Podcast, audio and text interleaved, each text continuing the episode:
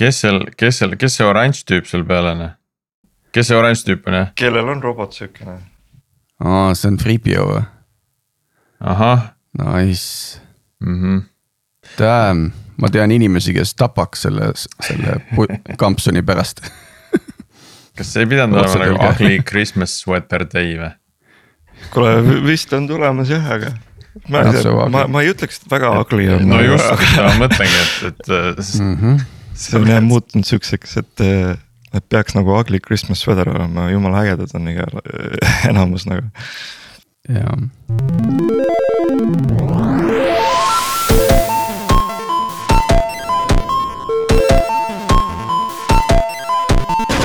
Tere taas Algorütmi kuulama, on kahekümne kolmas detsember ja eetris on meie saja üheteistkümnes episood. mina olen Priit Liivak Nortalist ja koos minuga on taas Martin Kapp Pipedrive'ist ja Tiit Pananen Veriffist. täna on meil pisut teistmoodi episood, räägime seekord külalisteta ja katame ühe suure teema asemel mitu pisemat. Tiit ja Martin, kuidas teil läinud on, kuidas pühade ootus kulgenud on? no ma ei tea ma ootan, et pühad tuleks, et siis saaks äkki nagu selle aasta lõpu jandisid töö juurest korraks nagu pausile panna, et, et. see, see on nagu võib-olla see olnud, et äh, igast asju on vaja ju teha, aasta on vaja kokku võtta, uusaastat vaja varsti plaanima hakata. kui pühad tulevad, siis vähemalt on sihuke hea hingetõmme, enne kui hakkab äh, uue hooga kõik uus pihta, et. et, et jah, ootan no mina ka juba, juba peaks nagu seda hinge tõmbama mul ja. ametlikult on nagu puhkus, aga näete, siin, siin ma olen ahah, väga äge, head puhkust, Priit, et jah, see, see inimese soov kuidagi kalendrisse nagu asju niimoodi planeerida ja kuidagi kalendri küljes olla on, viib selleni, et nagu kvartali lõpud ja aasta lõpud on ühed kiiremad ajad, eks ju, et et äh, samal ajal võiks tegeleda planeerimisega nagu pidevalt et milleks overload ida ennast nagu mingitel kalendrist lähtuvatel kuupäevadel, et, et. Äh, aga jah, äh, deploy freeze kuulutatakse täna kella kahe, viieteistkümne, viisteist null null välja. ja, ja see lõpeb siis, lõpeb siis kolmandal jaanuaril kell üheksa, et et see annab nagu võimaluse nagu ka Veriffi arendajatel siin jõulude ja uue aasta vahel nagu hinge tõmmata ja võib-olla tegeleda seal järele jäänud tööpäevadel asjadega, millega muidu, muidu äkki ei, ei oleks olnud mahtigi, aga jah. ma olen suur pooldaja, selle pooldaja, et me tegelikult planeeriks nagu natukene ja pidevalt versus see, et peame käisest välja tõmbama mingisuguseid asju, mida me plaanime teha oktoobris järgmisel aastal, et see lihtsalt ei ole realistlik ja, ja ei ole mõistlik ka. ma arvan, et äh, Tiit, see mõte väga hästi haakub tegelikult ka meie tänase teemaga. või noh, meie siis, ma ei tea, teema on võib-olla natuke palju öeldud, aga selline nagu äh,. no kuidas, kuidas te ütlete siis episoodi ma arvan, teema on sobilik, see on nagu teemas teema, on palju no, erinevaid. teema nagu teises mõttes. jah ja, teema sulg, tee, sulg kinni. Jah, eh, ehk siis eh, arendaja tööriistakohver, aga see, see, mulle see planeerimise mõte meeldib, et tegelikult arendajatel on see täpselt sama oluline eh, pidevalt planeerida, mitte siis ainult mingitel ajahetkedel noh, näiteks ma ei tea, sprint refinement'i ajal nagu planeerida on, on väga okei okay,, aga tegelikult nagu sprindi ajal tasuks ka nagu natuke planeerimise peale mõelda, mitte äh,. mitte siis ainult usaldada seda, mis äh, refinement'i ajal on kokku, kokku mõeldud. jah, sest paraku nagu sa võid teha nagu miljon plaani, aga, aga homme on, homme on need kõik äh, nii-öelda võivad minna nii-öelda aknast välja, et, et eks selle, sellepärast äh, noh, on mingisugused rituaalid nii edasi mida lühemad nad on, seda, seda agiilsem, seda, seda kiiremini sa suudad reageerida nendele muudatustele, mõned muudatused äkki saad juba proaktiivselt sisse, sisse planeerida kusjuures hiljuti, vaata sa rääkisid, et inimestele meeldib äh, kalendrisse noh, nagu neid asju panna, eks ole, niimoodi, et äh,. ma nägin just hiljuti Twitteris keegi oli mõelnud siis, et kuidas nagu seda produktiivsust säilitada läbi kalendri, eks ole, et, et kui pannakse sulle neid auke sinna sisse, eks ole, noh siis igal juhul see. see nagu noh, lõhub sinu töö flow'd nii-öelda, eks. ja, ja see vist ei ole veel päris toode, aga see oli vähemalt sihuke nagu kontsept, kus äh, nagu äh, erinevalt äh, tavapärasest kalendrist sinu terve kalender on kogu aeg täis ja, ja kui sa lisad miitingu, siis sinna tuleb kiri, et breaking the flow for one hour. ehk siis nagu, et sul on nagu kõik on by default on flow's, eks ole. ja kui tuleb meeting, siis tuleb sinna see koht, et nii, et siin on paus. ja kui sa paned selle siis päeva algusesse või lõppu, et siis on nagu see, et nii getting into the flow, et siis on kummalgi pool meeting uid on veel nagu see, et et sul on ka nagu nii-öelda wind up ja wind up, wind down, eks ole, et näed. et enne kui sa ju meeting ule lähed, sa pead hakkama kuidagi nagu juba nagu lõpetama oma asja ja kui, kui meeting läbi saab, siis läheb veel aega, enne kui sa saad uuesti produktiivseks, eks ole. et väga huvitav kontsept nagu ühele kalendrile minu meelest, et mis näitab nagu üldiselt värviliselt sinu nagu flow aega. ja siis sellisena hallikalt neid aegu, kus sa pead tegelikult meeting utel käima ma teen vist, äh, tundub, et praegu käsitsi sedasama asja Google'il on nüüd äh, siia ilmunud Time Insights, mis ja. näitab nagu nädala, nädala teemad läbi ja. ja eks see, seda tuleb hakata nüüd vaatama, on ju, aga siin see miitingute arv on ikka päris kohutav. ma, ma ei kujuta ette, Tiit, palju sul eelmine nädal oli või ütleme, mis, mis oli tihe nädal? Palju ühel no. sinu taseme ja, ja noh, Priit, te olete sama, samal maa, pulgal nii-öelda, palju teil miitingud on nädalas? kui ma vaatan siin kolmteist kuni üheksateist eh, detsember on kakskümmend kaks koma neli tundi miitingutes. noh, sinna alla käivad loomulikult intervjuud, one-on-one'id ja mingid mm -hmm. regulaarsed miitingud ja ka, ja ka algoritmid jah, seda küll jah, et ega sealt nagu palju kui sa sealt nüüd paned otsa mingisugune kakskümmend kaks tundi igale tunnile paned veel ütleme viisteist minutit wind up ja wind down aega otsa, eks ju. mis ta siis teeb, neljaga jagame, eks ju. ütleme viis-kuus tundi läheb nagu, nagu context switch'i peale. ongi järele ainult kümme tundi efektiivne aeg on kümme tundi. iga päev saad tund aega või vii, ütleme paar tundi saad nagu iga päev natukene midagi teha yeah..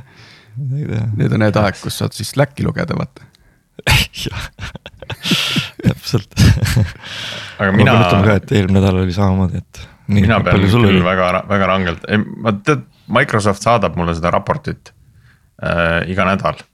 aga ma ei ava seda mitte kunagi, ma isegi ei leia seda üles praegu oleme vist kustutanud ära kohe.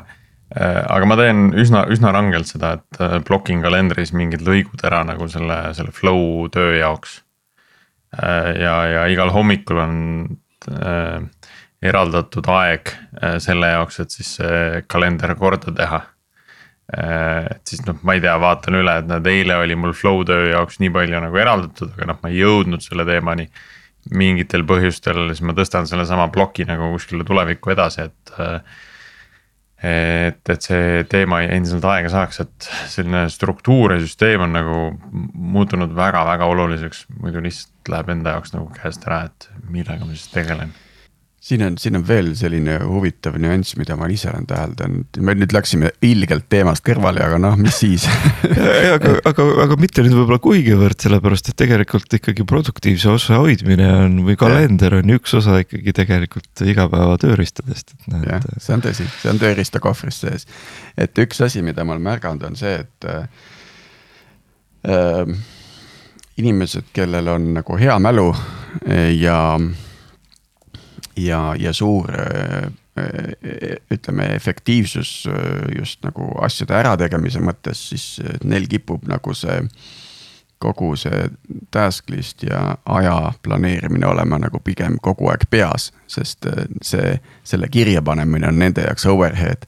aga seal kuskil on, jookseb see piir, eks ju, kus sul on liiga palju asju peas, on ju. ja sul, sul lihtsalt nagu sa nagu töötad üle põhimõtteliselt, eks ju, sest sa, mhm. sa, see lihtsalt liiga suur koormus, eks ju. et, et äh, see, seda peaks ilmselt nagu selle overhead'i peaks ära kannatama, et see pea tühjaks saada. aga kas see noh, sama asja ju räägitakse äh, arenduse kohta. et, et sellepärast me teeme ju tegelikult need arendustask'id äh, pisemad, et see mm -hmm. oleks nagu kergemini hoomatav. Ja, ja ka arendajatel soovitatakse ju kõigepealt noh, enne kui päriselt nagu koodi kallale asuda mingisugune disain nagu kuskile välja kirjutada, et mille peale siis hiljem saab nagu tagasi vaadata, et oot noh, kus ma nüüd jäin või et mis, mis, mis mul see plaan alguses oli, et isegi kui olukord muutub, siis teed lihtsalt uue plaani, on ju nagu ikka, elu on tegelikult jube lihtne, kui teed õigeid asju õigel ajal, on ju. suht tervislik on äh, elu, kui nagu magad hästi, sööd hästi, liigud ringi ja, ja siis nüüd teed nii lihtsad asjad. õiged asju, just täpselt. jah, nii lihtsad asjad, aga näed, ei tee neid, eks ju, et. ma arvan, et see on aasta mõte, Tiit praegu järgmise aasta Aga resolutsioon, eks ole, et. see on see, see on see paradoks. söön hästi, magan hästi ja teen asju õigel ajal. jah, et me kõik teame, mis on õige noh, ma jätsin mainimata siin tegelikult äh, inimestega suhtlemine ja heade suhete hoidmine inimestega, eks ju. me kõik teame, mis on õige ja siis me ei tee seda. jah, lihtne. ma arvan, et siin üks asi on kindlasti on meie nii-öelda selline ego ja meie teadvelolek, kui teadlikud me endast oleme. et kui su, kui sa ise oled nagu selles autos nagu tagaistmel, mis sõidab ja, ja roolis on, on keegi teine, mingisugune su mingi ajuosa, mis ei tegele, no ütleme kõik muu, mis, mis ei ole prefrontal cortex, eks ju. ja siis, ja siis sa ise oled nagu selle elul nii-öelda seal tagaistmel ja, ja sõidad kaasa, eks ju. ja keegi teine juhib, aga, aga millal millal sa saavutad sellise teadveloleku, et sa oled ise nagu seal juhi rollis, et see on nagu hea küsimus. et äh, ego on väga tihti nagu tee peal ees, et. Ähm, äkki siit äh, mingeid mõtteid äh, tulevasteks saadeteks, et kuidas olla nagu teadlik oma, oma võtame, võtame arendaja perspektiivi oma karjäärist, oma tegevustest arenduses. ja mitte olla seal tagaistmel jah, ja, ja, ja kuidas äh, nagu mitte suruda oma ego alla, vaid vaadata oma ego nagu kõrvalt ja võtta tagasisidet vastu ja analüüsida seda objektiivselt, eks ju. ai, sellest on nii palju raamatuid. ära räägi, sellest on kõik podcast'id maailmas tehtud on sellest noh, seega me ei saa kehvemad olla no absoluutselt ja, ja et siin ei ole muud, kui järgmine step on keegi esoteerik nagu siia tuua saatesse ja, ja valgustada, aga, aga noh. ma kardan, et selline esoteerik räägib, räägib lihtsalt katki meid, et me ei ja see oli, see oli selles mõttes halb nali, et tegelikult need ei ole absoluutselt esoteerilised teemad, need on päris teemad, milleni me jõuame paraku elus väga harva. okei okei okay., jätame nüüd selle teema, ma arvan, sinnapaika mm. -hmm. me peaks mingisuguse, mingisuguse polli tegema, et noh, et meil tuleb aeg-ajalt ikka neid teemasid siin üles, et. Äh, sellest peaks tegema järgmise episoodi, ühe episoodi kunagi. aga et kui paljusid inimesi tegelikult see huvitaks, et seda oleks nagu hea kuskilt, äh, kuskilt näha et äh, saada mingeid hääli, ma ei tea, kuidas me selle välja mõtleme, keegi mingit head tehnilist lahendust teab, siis andke teada, et päris mingit äh, survey monkey'd ka iga kord ei taha nagu jagada. no see... üks variant on muidugi äh, öelda ette, millal salvestame episoode.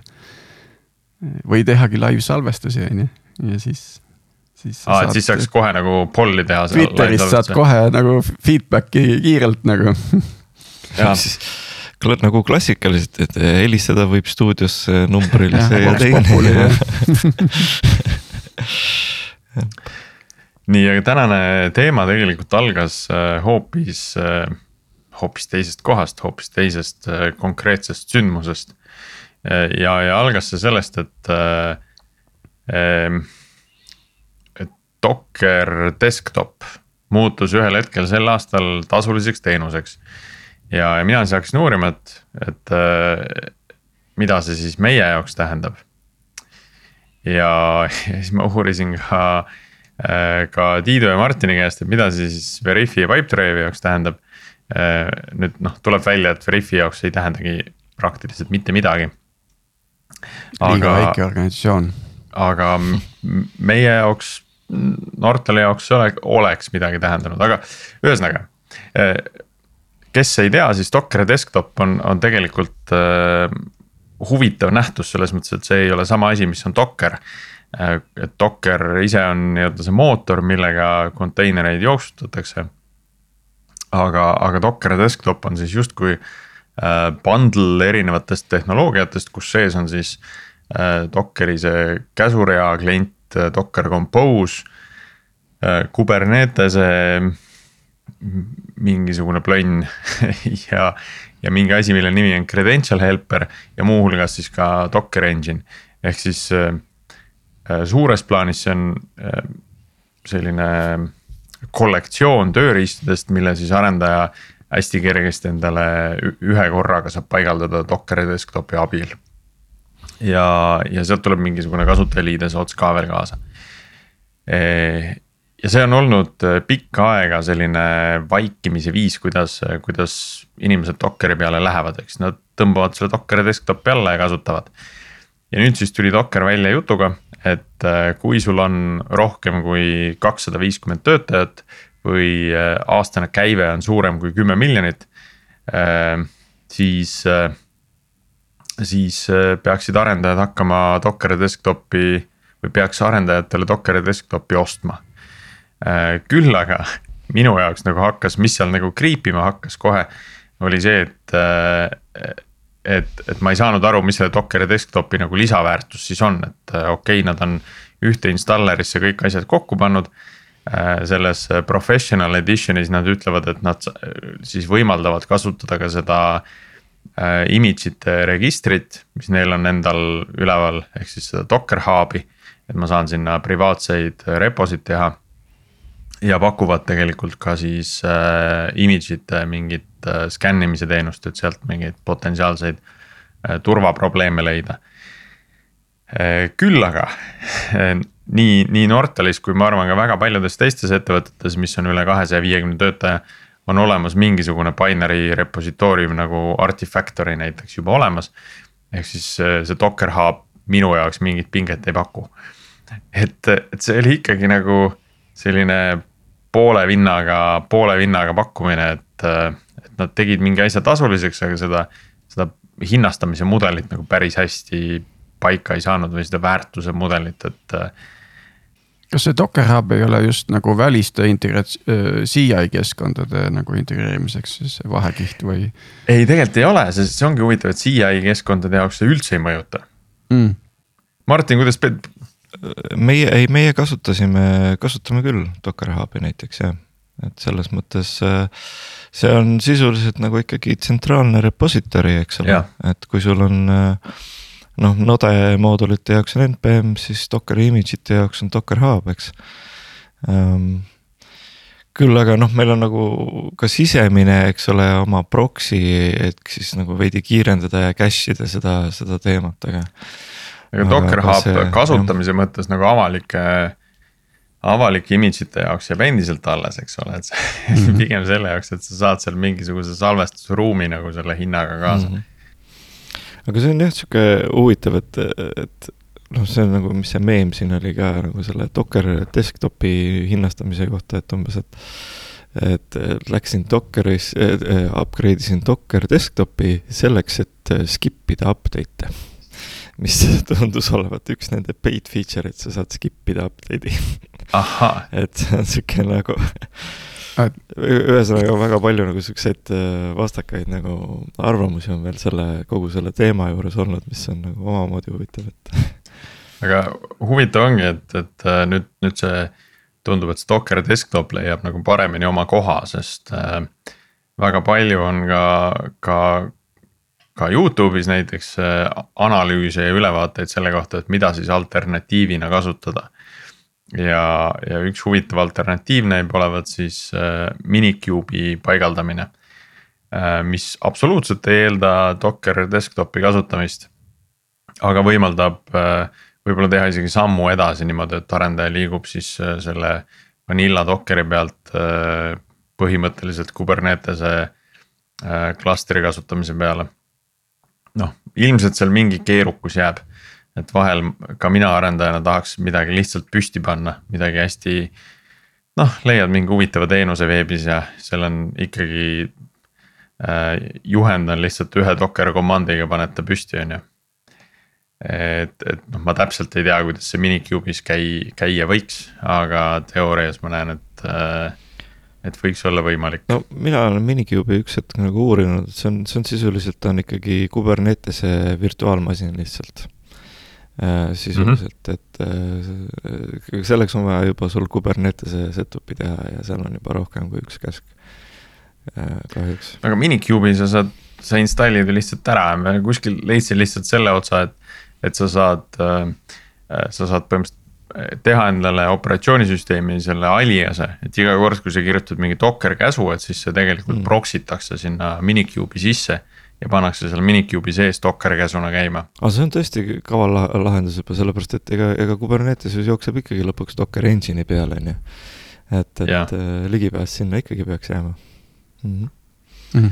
kuidas üldse see nii-öelda arendajakeskkonda provisioneerimine, kui, kui kaugele see on automatiseeritud äh, täna on, ütleme Nortalis ja Pipedrive'is, et. et kas arendaja võib nagu suht kindla tundega nagu tegeleda, tal midagi läheb viltu, siis provisioneerib uuesti või, või on ikkagi vaja näpuga hoida järge? no seal naljalt, äh, naljalt väga midagi viltu minna ei saa, et et ma tean küll neid arendajaid, kes, tean vähemalt ühte arendajat, kes on siis kogu enda selle äh, arendusmasina ka Ansible'iga ära provisioneerinud näiteks. et äh, kõik IDE-de install, ma ei tea, tooling ja nii edasi. Äh, siis ma tean ühte arendajat, kes, kes kasutas päris pikka aega kõiki või mitte, mitte kõiki, paljusid tööriistu just läbi Dockeri näiteks kui tal oli vaja projekti Gradle'iga ehitada, siis tema arvutis ei olnud Gradle'it installitud. Või siis noh, Mavenit on ju, vaid ta pigem kasutas mingit äh, Dockeri image'it, kus sees oli see Maven ja siis ta põhimõtteliselt äh, äh,. Mount'is need failid sinna, sinna image'i sisse, kasutas seal seda Mavenit. mis ehitas talle klassi failid kokku kuskile teise kausta, mis oli jälle nagu äh, talle, talle ligipääsetav niimoodi, et et äh, ta seda, seda tööriista endale ei, ei paigaldanudki. noh, ma isegi ei tea, kas ta tänaseni on, on sellise lahenduse peal, aga äh, tundus huvitav ettevõtmine. ja ei, selles mõttes äh, minu meelest see on väga, väga, väga lahe nagu use case, sest et mina ise olen kasutanud seda PHP composer'ina jaoks sama asja, et kuna meil. PHP jookseb muidu Dockeri sees, aga IDE-des on sul vaja dependency eid, eks ole Äh, kohalikus masinas. Siis kuidas ma saan neid, kui mul ei ole kohalikus masinas PHP-d, no jooksutan Composerit läbi Dockeri ja siis mul on need dependency'd, need failid olemas, IDE töötavad kõik vägev et selles mõttes on see minu meelest väga-väga nagu lahe use case, et mul ei ole vajagi tegelikult. noh, kuna ma nagu umbes üheksakümmend üheksa koma X protsenti ajast ei kasuta seda PHP-d, et siis, siis yeah aga sa, sa mount'id siis nagu tagasi, siis sellest nii-öelda volume'ist võtad need mingid baasfailid, mida sa ide vajad. no Dockeris saab, et kui sa mount'id, siis ta nagu by default on või siis vaikimisi, eks ole, on ta nagu mõlemat pidi, et, et, et. Äh, aga noh, sa, sa võtadki, et tavaliselt seda kasutatakse selle jaoks, et sinna konteineri sisse ja, mingeid faile saada, eks, et sina kasutad seda teisipidi. ja, ja, et siis ta käib kahepidiselt, et ta kõigepealt ta loeb sinu kohalikust, teeb oma ja siis kõik, mis ta välja pritsib kuskile teatud kataloogi jõuab, noh, on tegelikult juba sinu host'i, host'i masinast nii-öelda et minu meelest see on nagu mm -hmm. väga nutikas, väga, väga lihtne use case selle jaoks, kui sa ei taha nagu installida oma masinasse või ei saa. Äh, noh, erinevaid variante, eks ole, et siis äh, sul on ikkagi võimalik kasutada tööriistu, mis muidu tahaks olla süsteemi tasemel kusagil teatud kataloogides, et. et, et selleks on ta küll nagu väga hea tööriist, ma leian. aga, aga kui nüüd minna selle tööriistakasti automatiseerimise kohta, ma. no kuna meil on nii palju erinevaid teenuseid, meil saab päris kindlasti midagi nagu aeg-ajalt ikka tuksi minna nagu arendajate masinates ja ega siis jääbki, ei jäägi muud üle, kui tuleb nagu ikkagi tõmbad tühjaks omal, paned uuesti. aga õnneks, kuna kõik on, no me oleme nüüd, ma ei tea, kui sa Tiit mäletad, meil oli kunagi Docker Workstation oli sihuke leiutis oli endal tehtud, et. noh, sellest on nüüd vahepeal oli, tekkis meil äh, Kubernetes workstation, mis tähendab, et mm -hmm. me tegime oma nii-öelda command line tool'i käsuraja tööriista, mis siis põhimõtteliselt Kuberneteses lae, samamoodi laeb need teenused püsti ja Helmil on keskne, keskne siis nagu register, eks ole, sealt saab info erinevate teenuste kohta ja siis saab provisioneerida niimoodi Äh, arendajate masinaid. ja, ja noh mm., lõpuks võib-olla järgmine aasta. sa mõtled arenduskeskkondi kuskil? arenduskeskkond. andmebaasid on ikka väljas või on ka ja. neid masinaid? saab mõlemat pidi aga, aga nüüd mm. ongi, et järgmine etapp nüüd on see, et nüüd me, kuna ikkagi äh, arendajate laptop'id ei ole tehtud kummist, sinna ikkagi ei mahu lõpuks mm -hmm. kõik mhm. sisse ära. siis äh, tuleb ka meile lõpuks ikkagi pilves elavad äh, arendusmasinad, ehk siis sa, see, see on ka samamoodi Kubernetese põhine. Äh, aga et sa lased selle nii-öelda selle käsurea tööriista, paned selle käima. see võtab siis nagu meie Amazoni siis nagu pilve, äh, selle, selle äh, pilvega võtab ühendust ja provisioneerib sinna siis äh, need teenused. ja, ja kui sul on oma kohalik arendus, siis ta sünkroniseerib faile siis äh, nendesse konteineritesse, mis jooksevad siis äh, Amazonis. ehk siis see on siis. jah, meil on sama, et see. Et see. praegu on betas. nimetame neid review ah, betas on jah, okei jah, meil on review environment'id, mis, mis lähtuvad puhtalt sellest, et äh, kuna back-end'is on nagu masinõppeteenuseid ja mis nõuavad päris palju nagu, kui sa tahad seal midagi testida, nõuavad päris palju nagu ressurssi, et siis mm -hmm. põhimõtteliselt on template'id, et äh, mis, keskkonda sa saad parajasti Kubernetese kuskil klastris üles lasta ja, ja siis sellel, neil on lifetime'id ja. ja toimub nagu selline ressursside pidev uuesti mm. kasutamine, et sa saad ka endale mingisuguseid nagu persistent keskkondasid luua, aga põhimõtteliselt äh, suht kiiresti saab kogu stack'i Veriffist endale, enda kasutusse nii-öelda lasta ja see on pre-populated nagu vajalike andmetega ja vähemalt üks asi tundub sihuke läbiv joon. arenduskeskkond on nagu arendajad, arendajamasinast ka päris palju kaugemale läinud. et, et äh, kõik on ikkagi Dockeri põhiseks muutunud, et, et nii palju on küll nagu märgata, mulle tundub, et. Äh, teate te veel mõndasid nagu siukseid, äh, võib-olla mõnda firmat või kes, kes nagu. või kui ta, kes käsitsi veel paneb asju püsti, vähemalt no ma väga nagu ei tea vähemalt, kindlasti neid on, ma, ma üldse ei kahtle, eks ole, ja noh kõik, kes teevad siin freelance'i ja niimoodi, eks ole, et äh, või noh, võit-. ma tean ühte firmat, aga ma ei julge öelda selle nime ära, ära ütle siis avalikult aga, aga väga põnev oleks teada, et mis, mis erinevaid lahendusi veel kasutatakse, kas VM-id või lihtsalt ongi otse SSH-d ka veel keegi kasutab, et. see, need, neid võiks ju kirjutada näiteks meil kuskile kommentaariumisse et, äh, et seda oleks ka mm -hmm. huvitav. millised on need hullud näited? ja just, just, et mis veel tänapäeval nagu kasutusel on, FTP upload'i teeb veel mm. keegi. FTP-ga mm. et see, et, et äh, ma mäletan, kui kunagi alustatud sai, siis oli ju, et ei olnud meil ei Giti, isegi SVN-i veel too hetk ei olnud. siis äh, see oli siis eelmises firmas siis äh, olid ikka arendajad FTP-ga võitlesid seal, et kes sai hiljem üles laetud, selle, selle kood jäi nagu et ei olnud mm -hmm. ju mingit merge imist ega midagi, et, et, et oh, olid äh, hirmsad ajad. küll jah. jah, aga noh, kokkuvõttes seda, sedasama Docker desktopi teemat, et, et kuigi alguses tundus hästi äh,, hästi hirmus announcement või teavitus nende poole pealt, siis tegelikult äh, kok-, kokkuvõttes. noh, ma ei tea, võib-olla see oli sedalaadi, kus inimesed kasutavad, sest äh, nad on harjunud mm. -hmm. jah, ja selle, selle kohta on üks anekdoot, ma ei hakka seda praegu, praegu siin võtma nii ei tohi teha. mida, et ma ütlen, et, et mul on anekdoot ja siis ma ei räägi. ja, ja ma ei räägi seda teile no ma räägin ära siis, et äh, lugu oli siis selle kohta, kuidas äh, kuidas mees ja naine teevad jõulupraadi ja naine lõikab suurel verivorstil otsad ära ja siis paneb selle ahjuplaadi peale ja siis paneb ahju.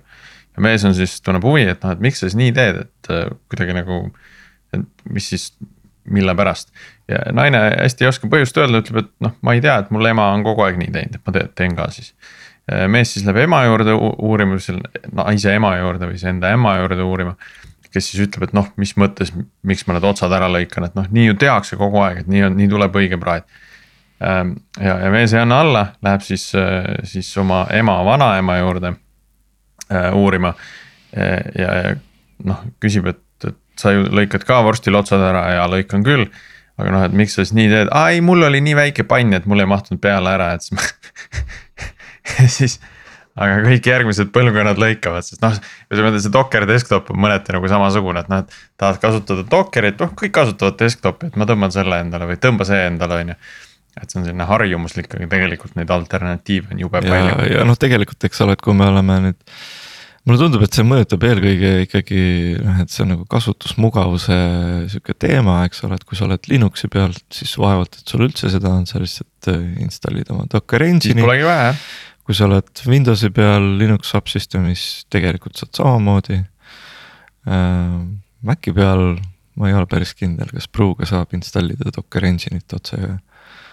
ilma, et sul oleks Docker mm, desktop. ei tea, ma ei ole tükk aega proovinud see on huvitav on olla nii, nii palju nagu arendusest eemal, et, äh, et ma pean nagu mingeid asju hakkama uuesti installima lihtsalt sellepärast, et need on nii nagu ajast ja arust mm, -hmm. nii aegunud on mingid mingid tööriistad masinas, sest neid ei ole kasutatud. aga, aga võtame veel mingeid tööriistu, mis, mis teil Dockeri peal on, mida arendajad teil üldse kasutavad kõige rohkem, näiteks ütleme. võtame, võtame kõige lihtsamad, kas teil on nagu statsi selle kohta, mis, mis idesid teil kasutatakse või editore või. kas on notepad'id või on, või on, mis seal peal on? No enamus on, äh, ma ütleks üheksakümmend üheksa protsenti on ikkagi IntelliJ peal, et see on endiselt vist äh, või mitte vist, aga ongi endiselt parim idee. jah, IntelliJ ja Visual Studio, et ega eks neid muid äh, per use case asju on ka, et kui ma isegi oma vaatan, mul on siin Sublime'i mingid vanad asjad on Sublime'is Visual Studio, isegi Atom oli kuskil vahepeal. mina vaatasin täna hommikul ühte sellist Äh, tööriistade top'i nii-öelda, et noh, mis on trendikas kaks tuhat kakskümmend üks. ja, ja siis, kui ma nägin seal seda äh, Visual Studio Code'i äh,, noh, top kolmes oli kindlasti äh,. ja, ja siis Sublime oli seal kuskil täiesti lõpus ja siis ma hakkasin, äh, noh, et nad on hästi sarnased tööriistad iseenesest äh, ka väljanägemiselt, eks ole. ja, ja Microsoft tegi siis selle huvitava lükke, et kui see Visual Studio Code nüüd on tasuta, on ju, et huvitav, mida see siis äh, Sublime'i müügile tähendas, et äh, okei okay,, neil on mingid kindlad fännid, on ju, mingi fännibaas on olemas. aga kui ma olen uus, äh, uus kasutaja, kes mõtleb, et noh, mis see top ide on, on ju, ütleme. otsin, ma ei tea, Sublime ja, ja siis tuleb välja, et alternatiiv on Visual Studio Code, siis ma võtan ikka selle tasuta versiooni, mitte selle saja, sajadaalase Sublime'i, et et nad kaotasid päris korralikult selle. ja ma just tahtsin öelda, et see on väga huvitav selles mõttes, et näiteks meil. noh, ma tean, et meil on IntelliJ-d, eks ole, aga tegelikult ma arvan, et meil on.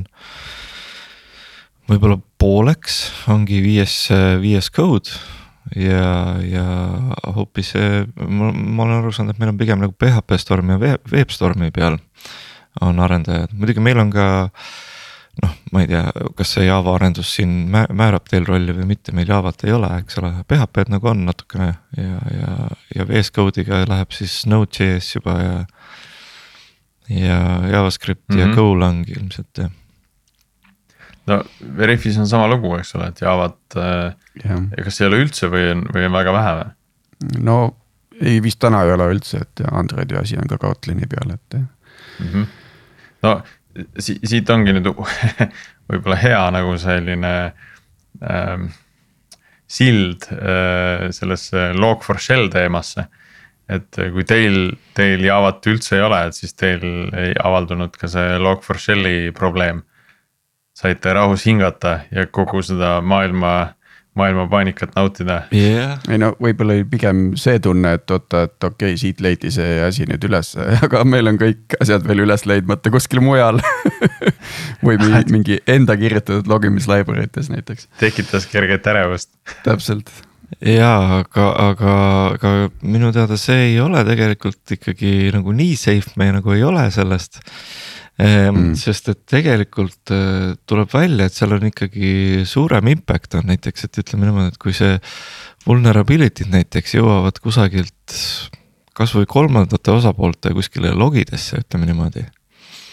ja, ja siis sul ütleme, et on endal mingisugune teenus, kus sa analüüsid või consume'id neid logisid siis sa tõmbad selle vulnerability mm -hmm. oma süsteemi sisse. Ilma, et sa peaksid mm -hmm. olema nagu üldse kasutama seda log4shell'i või log4j-d, eks ole.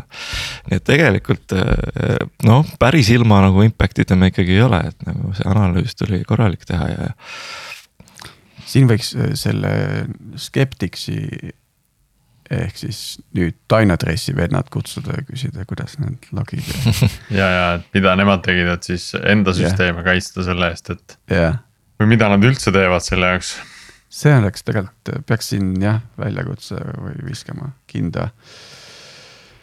kinda sinna vendadele Dynadressi, et nemad võiks kutsuda küll jah selle Log4Shelli kohta käis äh, päris palju erinevaid meeme ka läbi, eks ole, üks, üks minu lemmikuid oli siis äh, keegi, keegi jagas Redditis äh, nii-öelda enda kirjutatud logiraamistikku, noh et, et I wrote my own. Äh, kuna, kuna Log4Shell, Log4Shell on ju. ja see logiraamistik nägi siis välja selline, et see, see suvaline sisend, mis sealt tuli. Äh, see pandi siis, saadeti eval funktsiooni kõigepealt. ja kui see viskas exception'i, siis tehti nagu print out sinna konsoolile aga, aga esimese hooga tehti nagu evalueeriti seda justkui, justkui koodi on ju, et see, see oli nagu täpselt see e, ninanips selle Log4j vastu, et, et. kõigepealt proovime nagu, et kas see on kood ja paneme selle käima ja siis, kui, kui see ebaõnnestub, et siis kirjutame konsoolile välja nagu, et see oli päris aga, hea. aga rääkides sellest vulnerability'st, eks ole, nüüd me okei okay,, tööriistad kiirelt juba IDE-d katsime ära, meil on, tegelikult tuleks paljudest asjadest rääkida veel, mis seal tööriistakastis on. kuidas, kuidas, kuidas te muidu, kuidas teil käib see äh, nii-öelda vulnerability te või siis selliste asjade leidmine, et, et, et kuidas teie teete seda üldse, et kust te saate teada siukest, sihukest infot, et midagi võib olla nagu mõjutatud mm.? no see, see on äh, ikkagi selline korralik challenge äh,. päris paljud äh, projektid kasutavad juba ka seda OWASP-i dependency check'i äh,. ma ei oskagi öelda, tööriista siis äh,, mis siis tegelikult nende kasutusel olevate sõltuvuste Äh, haavatavused ka muuhulgas välja, välja loetleb mm. -hmm. aga noh, see tahaks, et see oleks kuidagi nagu veel efektiivsem ja veel auto, automaagilisem. noh, et, et sealt tuleb midagi välja, eks ole, aga äh,, aga äh, kuidagi peab saama äh, siis öelda ka, et noh, et see vulnerability on okei okay. mm. -hmm Äh, selles mõttes, et, et, et see on analüüsitud, me kasutame seda teeki teistmoodi või me ei kasuta seda sellisel viisil, et see oleks haavatav mm. -hmm. nii-öelda no, false, false positiivne. mõnel asjal parandused. ja just, just, just mm, -hmm. et, et see on nagu see korralik effort, mis, mis tuleks nagu ära teha, et, et kõik see kaardistus ka oleks olemas mm. -hmm eks see lõpuks hakkab nagu planeerimisest pihta, et eh, kuidas arendaja selle nagu kogu dependency flow läbi mõtleb, ennem kui ta seda nagu rakendama läheb, et äh, aga jah, SNÜK ja Sonar on seal vahepeal, et äh,. et küsimus on selles, et kui hästi siis neid kasutatakse, et äh, SNÜK teeb oma töö ära, aga kui keegi neid mm -hmm. ticket eid ei, ei, nendega ei tegele, siis noh Pole, pole midagi teha, on ju, et, et samamoodi Sonaris, et kui, kui on mingisugused eh, known asjad, mida me ei peaks check ima, kui neid nagu ei märgita nii-öelda known'iks, siis nad kogu aeg nagu spämmivad ja, ja siis äh, lähebki aasta ära, et, et. seal on, need on just need kohad, mis, mis nagu kutsuvad ehitama mingisugust tarkvaraarendustiimi, sellist nagu tugi, tugimeeskonda, eks ju, kes nagu tegeleks sellega, et on see just mingi quality engineering jah. või developer experience tiim või midagi mm. -hmm. Core. jah, midagi selline, selline core nagu, nagu nagu, nagu hoonel on mingisugune vend, kes lihtsalt teab, kus kõik kaitsmed on, on ju. haldustiim ja, ja. ja haldusjuht jah ja. Aga siis see on jälle huvitav, et, et tegelikult ma ei tea siis, kas meil on ikkagi suhteliselt sarnase mõtlemisega nagu töökohad või niimoodi, et, et sama, sama siin tegelikult, et SonarCube teeb osa, osa tööd, SNÜK teeb teist osa tööd ja noh, tegelikult kolmas osa, kuna meil on ikkagi Docker image'ite põhjal see asi, eks ole, et siis Äh, vulnerability analüüs Dockeri image itele käib ka veel eraldi. et SNÜK vist minu teada seda ei, nagu ei tee, et äh, aga leiti ka Alpine'is mingisuguseid vigu, nii et äh, samamoodi meil põhimõtteliselt väga paljud teenused kohe mõjutatud. isegi kui sa ei ole koodi otseselt äh, dependency eid liid, laadinud sisse juurde, et siis võib ikkagi juhtuda, et sul süsteem on äh, auklik natukene. Base, base image'ite teema on küll jah, see me peame, tuleb, tulebki kohe meelde, et peakski korra sinna sisse vaatama aga si, si, siin tuleb veel nagu eriti äh, väljakutsena just Pipedrive'i jaoks ka see noh, teie arhitektuurist tulenev nagu väljakutse tekib sinna juurde ju. et kui avastatakse viga, vigu, et siis tuleb väga palju süsteeme äh, lühikese aja jooksul nagu ära uuendada ka. et äh, et ei ole lihtsalt, et tuleb kiiresti ära parandada, aga tuleb ka nagu suur hulk, suur selline roll-out teha. ja, ja noh eks me nende protsessidega praegusel ajal, ega võib-olla see on ka põhjus, miks meil jõulude ajal nii kiire praegu on, üks nendest põhjustest vähemalt, et. et see teadlikkus tänu nendele suurtele vulnerability tele ilmselgelt tõusis. ja, ja noh, tuleb eks see kõige olulisem vist ongi, et nagu saada enda jaoks paika protsess, et mida sa teed, kui sihuke asi juhtub, on ju. et siis me saaks nagu, kuidas me reageerime siis, mis me siis teeme, eks ole, et, et. et siuksed äh, põhijuhised, siis on ka nagu oluliselt lihtsam seda teha. mina olen ammu plaaninud sellist äh, natukene sihukest nagu turvateemalist nagu chaos monkey't äh, mingis tiimis rakendada, et noh, väga huvitav oleks nagu teada just seda või näha kõrvalt, kuidas see tiim reageerib. Eh, kui tekib nende jaoks usutav info, et ma ei tea, mingid andmed on lekkinud või keegi on süsteemi sisse saanud või noh. Aga et, et tegelikkuses see oleks simuleeritud olukord, aga nemad ei teaks seda. noh, mm. selles mõttes see oleks nagu chaos monkey, et üks asi on nagu simulatsioon et sa ütled neile ette, et noh, nüüd teeme nagu seda tuletõrjeõppust aga, aga teine asi on öelda, et et nüüd on juhtunud ja, ja samas kõik olulised osapooled äh,. ma ei tea, klient ja, ja, ja mingid juhid ja mingid vaatlejad nagu noh, teavad seda tegelikkust, et, et pole päriselt juhtunud. muidugi siis on ka oht, et, et tiim nagu läheb veits paanikasse ja hakkab süsteemi kinni panema et shut down nagu ja sellised, sellised exercise'id, sellised harjutused on, on nagu üliolulised jah, et mingil põhjusel need spordimeeskonnad ja, ja, ja kaitseväes olevad tiimid nagu pidevalt harjutavad. vot mul just oli Neil on mingisugune põhjus selleks, eks ju. et, et nad ei lähe nagu diivani pealt otsa sõtta või palliväljakule, eks ju. aga meie siin need tuleb hommikul tööle ja hakkame kohe laamendama noh. Jah, tahame ainult edasi pürgida, ainult äh, uute feature ite välja, välja pritsimise kiirus on tähtis on ju. ja siis võtame suvalise palli lihtsalt, me ei tea, palju see kaalub ja kaugele lendab ja lihtsalt lööme seda nagu. Kuigi just, et seesama analoog tuli meelde, et kaitseväega, eks ole, et kui ikkagi ajateenistuses äh, metsas rahulikult magate, kuulate seda saadet võib-olla. Siis olge valmis, öösel tuleb teil sinna lipnik ja karjub, et häire häire et siis see on normaalne, ärge muretsege jah, et noh, et seda häiret on, on meil samamoodi, et need noh, see Log4Shell oli konkreetselt selline häire, mille peale tuli siis reageerida, on ju. ja aga see harjutuse võiks ka ära teha ikka. või neid harjutusi võiks rohkem teha. seda kindlasti.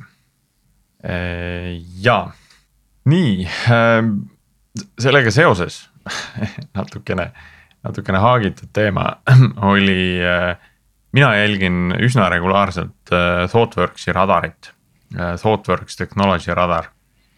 Ja, ja kui ma nüüd noh, ütleme viimased päris mitu korda on juba olnud niimoodi, et kui ma selle ette võtan, et siis äh, kõik asjad, mis on tools all kirjutatud no üheksakümmend viis protsenti on minu jaoks täiesti võõrad nimed, et mm. teeme siin väikse testi, Martin no, ja Tiit, ma loen siin ette nii-öelda nende ähm, äh, mõned tehnoloogia või tööriistad siis, mida nemad soovitavad kasutada või soovitavad proovida Äh, ettevõtte või selles ähm, tarkvaraprojektides, eks ole.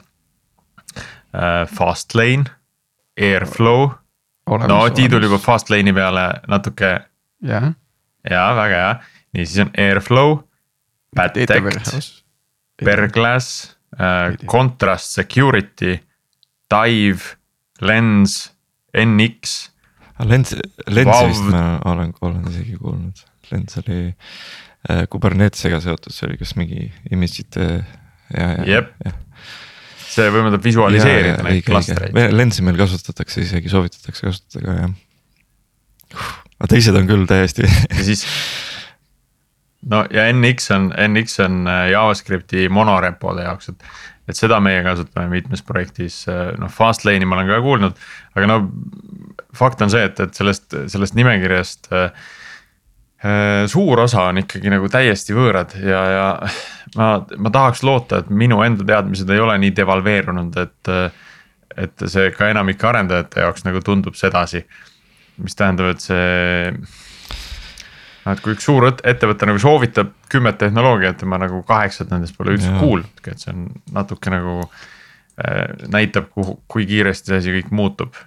ja sa pead äh, lihtsalt nagu rahu tegema sellega, Priit jah jah, äh, aga võib-olla siit siis ka see arendaja toolbox'i küsimus, et, et äh, kui sageli üldse see toolbox äh, peaks muutuma või kas me peamegi kõik lihtsalt rahu tegema sellega, et teised, teised töötavad mingite teiste tööriistadega ja see on nagu fine, et las nad.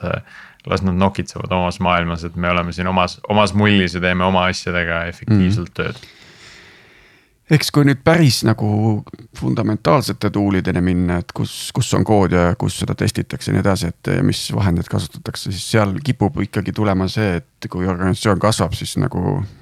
mingid lahendused, mis olid nii-öelda finantsiliselt äh, vastuvõetavad mm. äh, enam ei ole mm. -hmm. et, et, et kui nagu on lineaarne kasv nagu kuludega, et siis kuskil keegi hakkab esitama küsimusi, et oota, et äkki võiks midagi teistmoodi teha. ja, ja võib-olla mõned asjad maja sisse tuua, et, et ei ole vaja teiste meeste kasumeid seal vahepeal kinni maksta, eks ju mm, -hmm. et aga äh, jah sisulise poole pealt ma näen, et see lõpuks hakkab ikkagi tiimidest pihta, et et, et seal on hästi palju selli-, noh, hästi tihti juhtub seda, et on mingi isikuga seotud teema. keegi fännab mingisugust äh, tööriista ja, ja tal on mingid argumendid. ja siis ta teeb selle müügitöö nagu organisatsiooni sees ära ja kui see noh, kõik saavad aru, et sellest on kasu, siis lähebki käiku, eks ju. et, et ähm, see on nagu selline mõned, mõned mustrid, mida. ja ma võin täitsa kinnitada seda, et, et, et näiteks äh, meil on äh, praegune jälle järjekordne challenge on see, et kuidas, äh, kuidas suurel skaalal nagu äh, jälgida tegevusi erinevate teenuste vahel, ehk siis kui meil oli vahepeal alguses oli meil jah, et kuidas, kui meil oli alguses New Relic oli kasutusel. siis tuli välja, et nad on kallid, äh, siis proovisime Datadogi, tuli välja, et nad on veel kallimad siis äh, läksime tagasi New Relic'i juurde, sest me saime jube hea diili nendega. Äh, aga see diil, noh diilil aegub, eks ole, üks hetk saab nagu nende nii-öelda see grace periood saab nagu läbi. ja nüüd on jälle küsimus ikkagi see, kus me alustasime oma nagu mõne, mõne mikroteenusega ja paarikümne masinaga ja siis see, mis meil praegu on ja kasutajate arv ka sealjuures, et siis äh, need on ikka korralikud challenge'id ühe, ühe siukse engineering'u tiimi jaoks, et, et. Äh, see on ikka jõhker investeering, kui sa tahaks nagu kõike kasutanud, mida tegelikult hea oleks kasutada, eks ole, et, et mm. -hmm.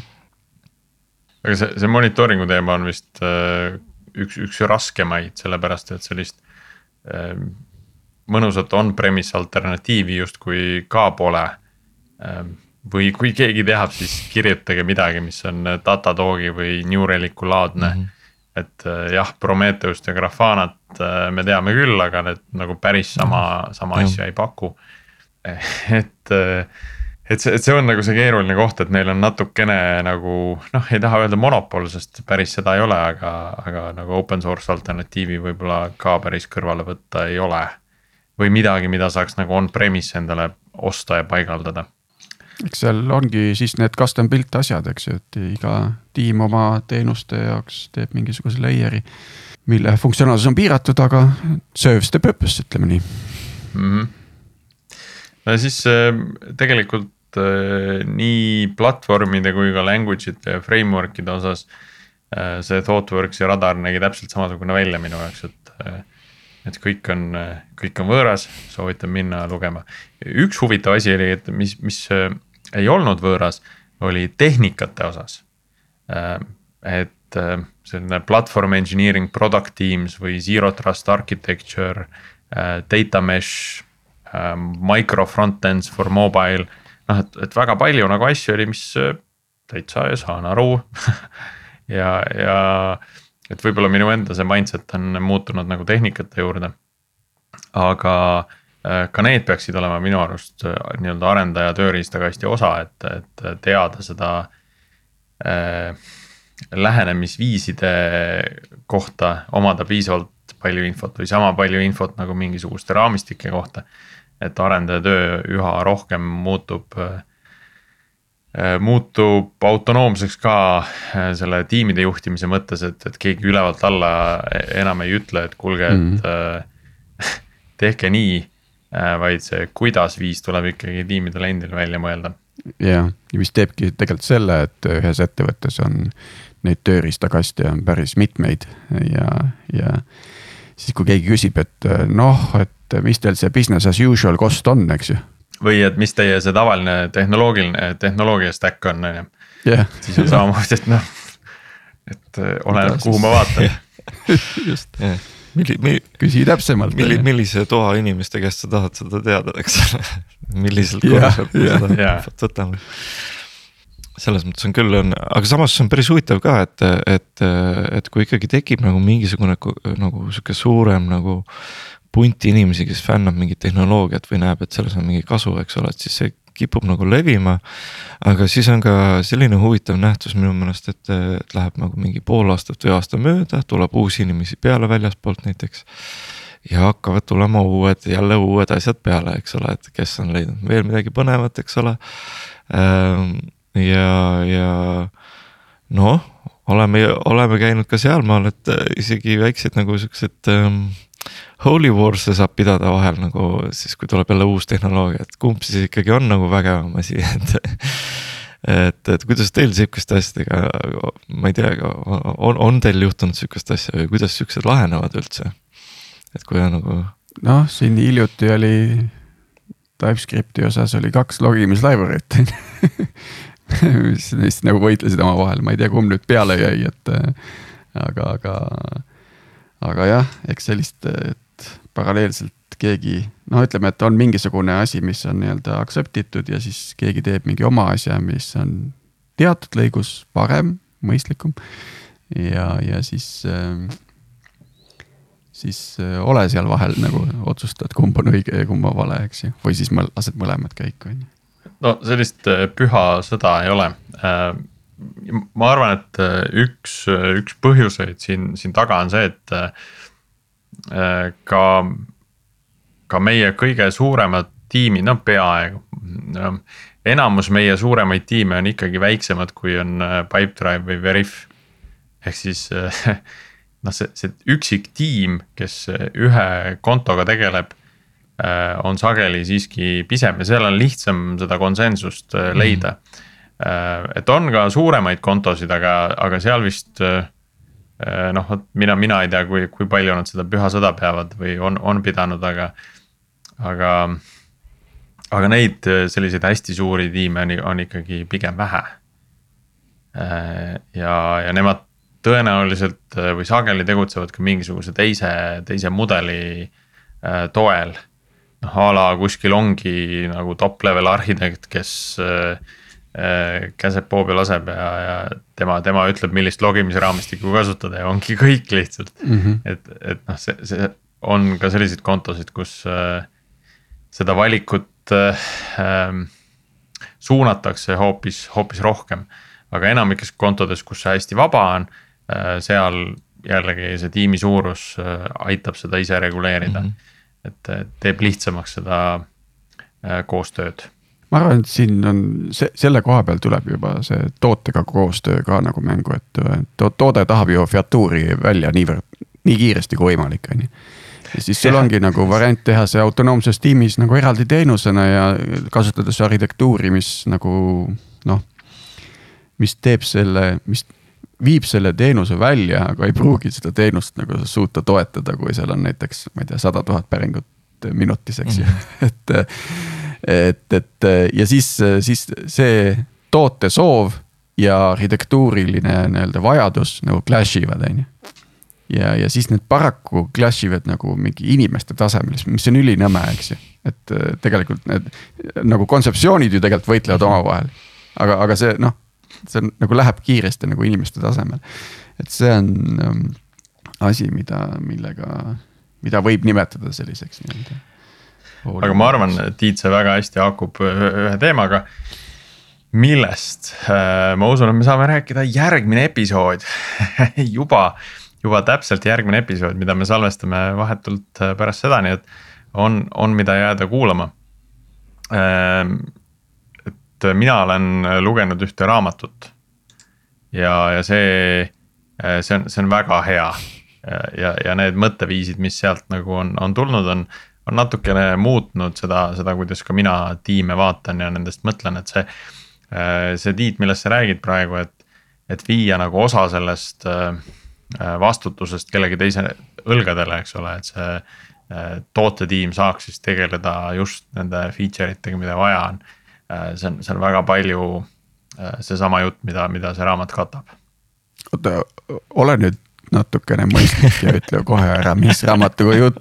ei, ma ei ütle kohe ära, ma ütlen, et me räägime sellest järgmine episood. me räägime sellest nädala aja pärast, kolmekümnendal detsembril. Saab kuulata seda. Oi, see on next level, Priit, see on next level, ülikõva no ma proovin leida nagu motivatsiooni, et, et inimesed ikka kolmekümnendal detsembril ka meie podcast'i ette võtaks ja enne aasta lõppu uueks aastaks jälle häid ideid saaks. jah, just, ma arvan, et siinkohal ongi paras aeg sellele episoodile joon alla tõmmata ja äh, tänada meie kuulajaid seekord, külalist meil ei olnud ei ole ka järgmine episood. Äh, aga teemad on äh, seevastu vähemalt sama huvitavad. ja, ja kõigile häid jõule. ja, ja ma arvan, oluline märksõna vaadates tagasi sellele aastale, et oleme vaikselt. Ja vaikuses peitub jõud. Ja, järgmise nädalani